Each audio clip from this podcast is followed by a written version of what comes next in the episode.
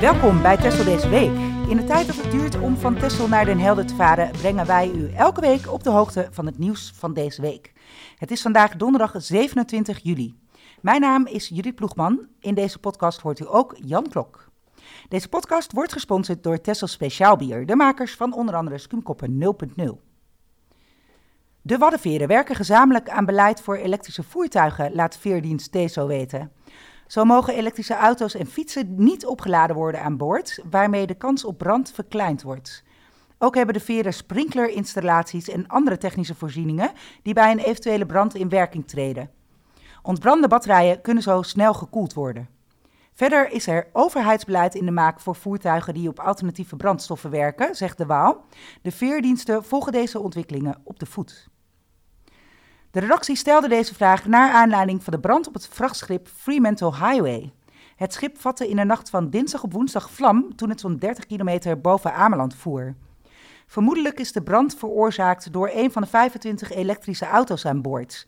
Het schip was met 3000 auto's op weg naar Oost- en Zuidoost-Azië. Zeven mensen moesten van grote hoogte van boord springen om aan de brand te ontkomen. De 16 andere bemanningsleden werden met helikopters van boord gehaald. Eén persoon overleed. De overige bemanningsleden zijn met ademhalingsproblemen, brandwonden en botbreuken naar ziekenhuizen in Noord-Nederland gebracht. Het schip staat nog steeds in brand. De brand kan nog dagen duren, zegt de kustwacht. Alleen de buitenkant van het schip kan gekoeld worden met bluswater. Water dat aan boord gespoten wordt, maakt het schip instabiel en zou het tot zinken kunnen brengen. Bovendien zijn elektrische batterijen zo goed als waterdicht en zijn ontbrandende batterijen erg moeilijk te blussen. Door de hitte in het cellenpakket blijven er steeds opnieuw cellen ontbranden. Dat proces heet een thermal runaway en zorgt nog lang voor nieuwe opvlammingen. Als het schip zinkt, zou dat een milieuramp zijn. Er belanden dan grote hoeveelheden olie, benzine en afval in de Waddenzee. Rijkswaterstaat hoopt dat te voorkomen, maar houdt er rekening mee dat het niet lukt. Er ligt een oliezuiger klaar om de schade te beperken. Op de Waddeneilanden, met name op Ameland, zijn de zorgen groot. Hoewel er al 90.000 kilo afval is opgeruimd, is het grootste deel van de lading van de ramp met het containerschip MSC Zoe in 2019 nog altijd niet geborgen. De verantwoordelijkheidsverdeling voor bergingswerkzaamheden is erg complex. Komend weekend vindt op het strand van Paul 12 voor de vierde keer het eigenzinnige festival Sunnyside Up plaats. Het festival was elke editie een groot succes en bedient een doelgroep waarvoor op Texel erg weinig aanbod is. De gemiddelde leeftijd is er 27. Maar of het festival kan blijven voorbestaan, dat is nog maar de vraag, zegt Rick Winkel, een van de organisatoren. De gemeente staat maximaal 1000 mensen per dag toe en dat is voor de exploitatie veel te weinig, zegt hij.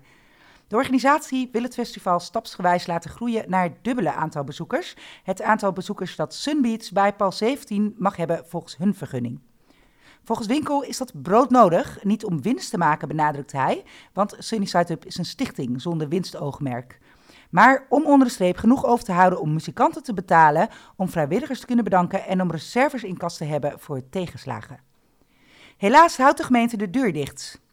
Het bestemmingsplan van Par 12 is niet opgenomen als festivallocatie en dat is dat volgens de gemeente.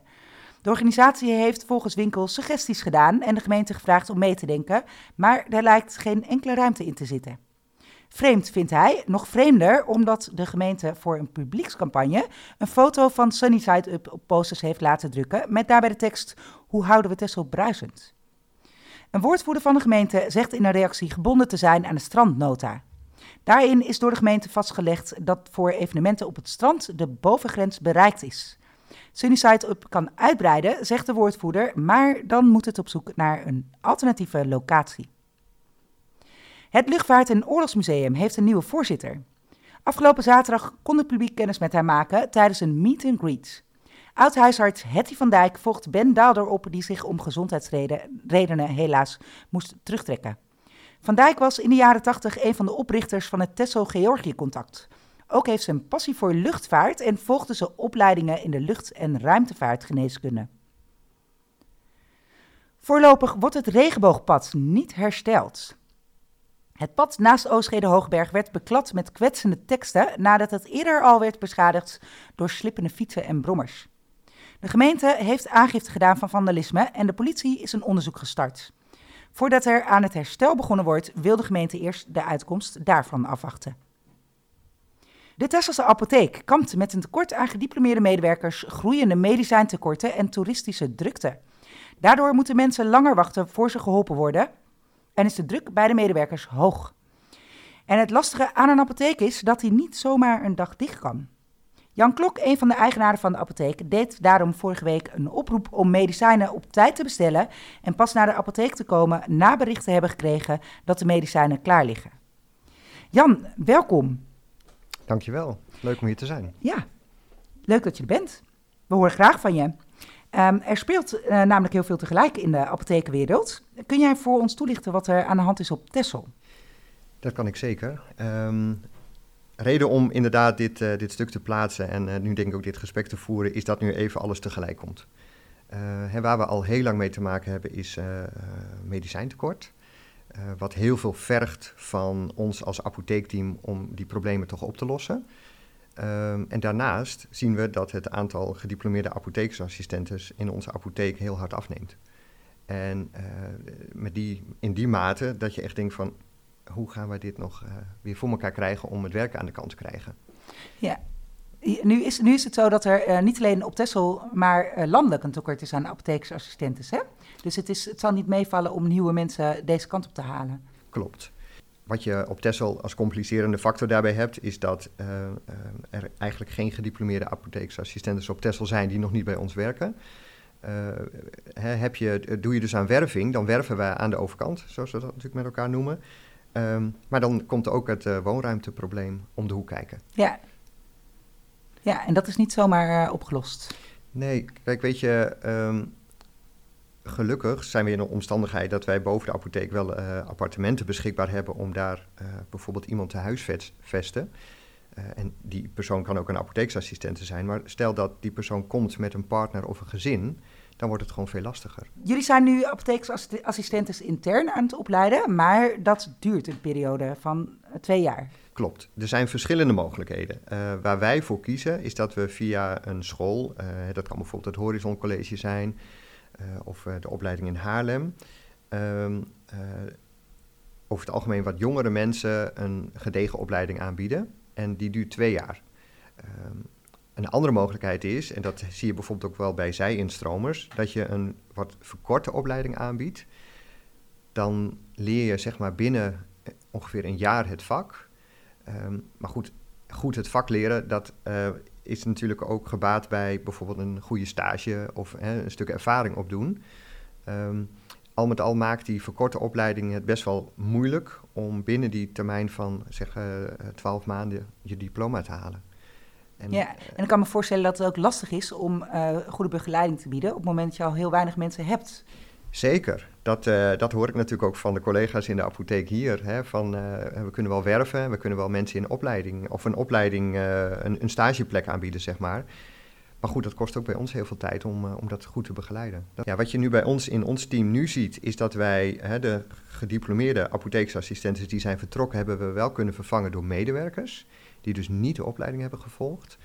Um, die kunnen ons heel goed helpen in de logistiek. Die kunnen ook heel goed een telefoongesprek aannemen. Nou, die, die, die, kunnen zich heel nuttig maken, daar zijn we dus ook heel blij mee. Ja. Maar ze mogen en kunnen niet dat gesprek aan de balie voeren als het echt over geneesmiddelkennis gaat. En ja, nu dat op minder schouders terechtkomt, loopt aan die kant van de apotheek echt de druk enorm op. Ja. En wat kunnen wij als uh, burgers, bezoekers van de apotheek doen om, uh, uh, om een beetje behulpzaam te zijn? Ja, Um, ik denk dat het meest belangrijke is hè, dat we gewoon uitleggen hoe de situatie is. Dus er zijn minder gediplomeerde apothekersassistentes en daardoor um, uh, uh, duurt het wachten in de apotheek gewoon langer.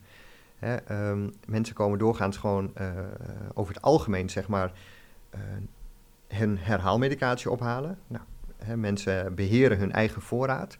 Dus mijn tip zou dan ook zijn: hè, uh, wacht niet tot je de laatste pil genomen hebt, bestel bij de dokter en ga dan ook vervolgens snel naar de apotheek. Wees op tijd. En dus bestel op tijd je medicijnen. Uh, hè, op het moment dat je aan je laatste strip of desnoods aan het laatste doosje begint, hè, uh, plan dan alvast voor je in: ik ga bijbestellen. Um, daarmee vang je dus ook eventueel uh, het niet leverbaar zijn van een medicijn ook, uh, ook op. Ja. Hè, want dan ben je gewoon uh, op tijd. Ja. En geef ons de tijd om iets klaar te maken. En daarmee bedoel ik dat op het moment dat mensen aan ons het bericht doorgegeven hebben hè, dat ze hun herhaalmedicatie willen bestellen, Dan krijgen wij dat bericht, kunnen we ermee aan de gang? Formeel is het zo geregeld in Nederland dat de huisarts dan ook zijn akkoord geeft. Nou, dat zijn twee sporen die lopen naast elkaar. Dat is echt achter de schermen. Daar zien mensen ook niet zoveel van. Maar ze zijn zich daar over het algemeen niet van bewust. Dus ook de huisarts eh, heeft natuurlijk tijd nodig om even zijn akkoord te geven. En op het moment dat wij het dan klaar hebben, werken wij inmiddels al uh, geruime tijd met zeg maar, een track-and-trace systeem. Net zoals van de bol.com enzovoort. Alle postorderaars. Van joh, je pakje is onderweg ja. en je pakje staat klaar en nu mag je het komen afhalen. En dat kan dan in de apotheek. En we hebben daarnaast natuurlijk inmiddels uh, uh, de ruimte uh, ingeruimd voor een uitdeelrobot. Een uitgifterobot in de gevel van de apotheek. Waar je 24-7 je pakketje kunt halen. En daarnaast ook ehm, wil ik wel benoemd hebben het bezorgen van medicijnen aan huis. Dat kan nog steeds. Dat kan nog ja. steeds. En dat is natuurlijk wel bedoeld voor mensen die, die, ja, die het niet zelf kunnen halen. Um, maar ja, het is wel iets wat, uh, uh, wat wij aanbieden. En dat zit ook gewoon in. Hè, een apotheek wordt betaald uh, door zorgverzekeraars met een tarief. En in ons tarief zit gewoon dat wij er ook ruimte hebben om te bezorgen aan huis. Ik hoop dat het, dat het je lukt om nieuwe mensen te vinden. Ja. Ja, dat is een zorg voor ons allemaal, denk ja. ik, hier op het eiland. Ja, nou, daar werken we hard aan en daar hebben we ook vertrouwen in. wat ik ook fijn vind om te merken, is dat ook veel Tesselse ja, bezoekers van de apotheek heel veel begrip hebben. Hè, dus het is echt zo dat mensen het wel snappen. Mensen zijn heel begripvol ja. en dat is super fijn. Ja. ja, en hopelijk bij deze nog iets meer. Ja. Het zou fijn zijn. Super. Dankjewel Jan. Graag gedaan. Jij ook bedankt. We gaan door met een vooruitblik naar komend weekend. U kunt dan dus naar Sunnyside Hub op en om Strandpaviljoen 12. Naast heel veel toffe muziek is er vrijdagmiddag een ijsbad en kun je ademhalingstechnieken leren om die kou aan te kunnen. Surfschool Foamball verzorgt de Sunny Surf School. En er, is yoga en er is uiteraard goed eten. De voorverkoop was razendsnel uitverkocht en er zijn nog maar een beperkt aantal kaarten aan de deur beschikbaar, dus wees er snel bij. En komende vrijdag is er ook een beachvolleybaltoernooi op het strand bij 12. Dat wordt georganiseerd door de jongeren van Helium, die hun clubhuis op het strand hebben. Je kunt meedoen met een team van vijf mensen, waarvan er drie tussen de 12 en 27 jaar moeten zijn. Je kunt je aanmelden door een mailtje te sturen naar hello.heliumtessel.nl. De hoofdprijs is een dinerbon van maar liefst 200 euro. Het toernooi begint om 6 uur. Vist u nu naast dat net, dan kunt u ook naar de nieuw geopende trimbaan in het Dennenbos. Die is vorige week donderdag feestelijk geopend door wethouder Remco van der Belt. Het maakt niet uit op welk niveau je sport, de baan is geschikt voor alle niveaus. Er zijn twee startpunten, één bij het turfveld en één 300 meter verderop bij de natte vlakweg. Tot de jaren 90 was er ook een trimbaan, maar die moest helaas worden afgebroken omdat de apparaten niet langer veilig waren. Veel Tesselaars vonden dat een gemis. Dankzij aanjagers Louise van der Sluis en fitcoach Wilma Thijsling, Sportstichting Tessel, Staatsbosbeheer, de gemeente en bijdrage van een aantal fondsen is de trimbaan dus nu terug. En dan kunt u tot slot aanstaande dinsdag naar het Vliegerspreekuur, ook wel genoemd de Zee van Vliegers. Het Vliegerspreekuur vindt elke dinsdag in juli en augustus plaats op het strand van Paal 17 vanaf half acht. Het is een initiatief van Karim Ali van het Vliegerhuis in Den Burg en het is altijd een mooi en kleurrijk schouwspel. Als het gaat schemeren zijn er ook vliegers met vuurwerk. En dan eindigen we met de traditionele slotvraag. Wat is jou opgevallen in het nieuws deze week, Jan? Ja, wat mij natuurlijk opviel was waar je al over sprak, hè, brand aan boord van zo'n groot schip. Um, heel indrukwekkend. Uh, ik ben ook brandweerman, uh, dus ik ben natuurlijk nieuwsgierig hoe het daar is en, en wat daar gebeurt. Um, maar je ziet ook maar weer uh, hè, de ellende die ontstaat, mogelijk nu, uh, wat gesuggereerd wordt door, uh, door een accu van een elektrische auto. Um, hè, als brandweerman komen wij inmiddels ook steeds vaker op plekken waarbij toch een accu soms de oorzaak is van een brand. op het moment dat zo'n accu brandt, krijg je hem gewoon niet meer uit. En, en als je nu ziet hè, de enorme schade die, die de, de brand aan boord van dat schip 25 elektrische auto's, één klein probleem. En een schip met uh, uh, uh, 3000 auto's enzovoort. En 20 bemanningsleden. Zo, man. Ja, ja, het is ja heftig. Echt heftig ook voor eh, de hulpverleners, lijkt me. Klopt. Ja, ja. indrukwekkende eh, ongeval. Zeker. Ja, ja, eens. Dat was het voor vandaag. Deze podcast wordt gemaakt door mij, Judith Ploegman. U hoorde ook Jan Klok. De montage wordt gedaan door Michelle de Vries.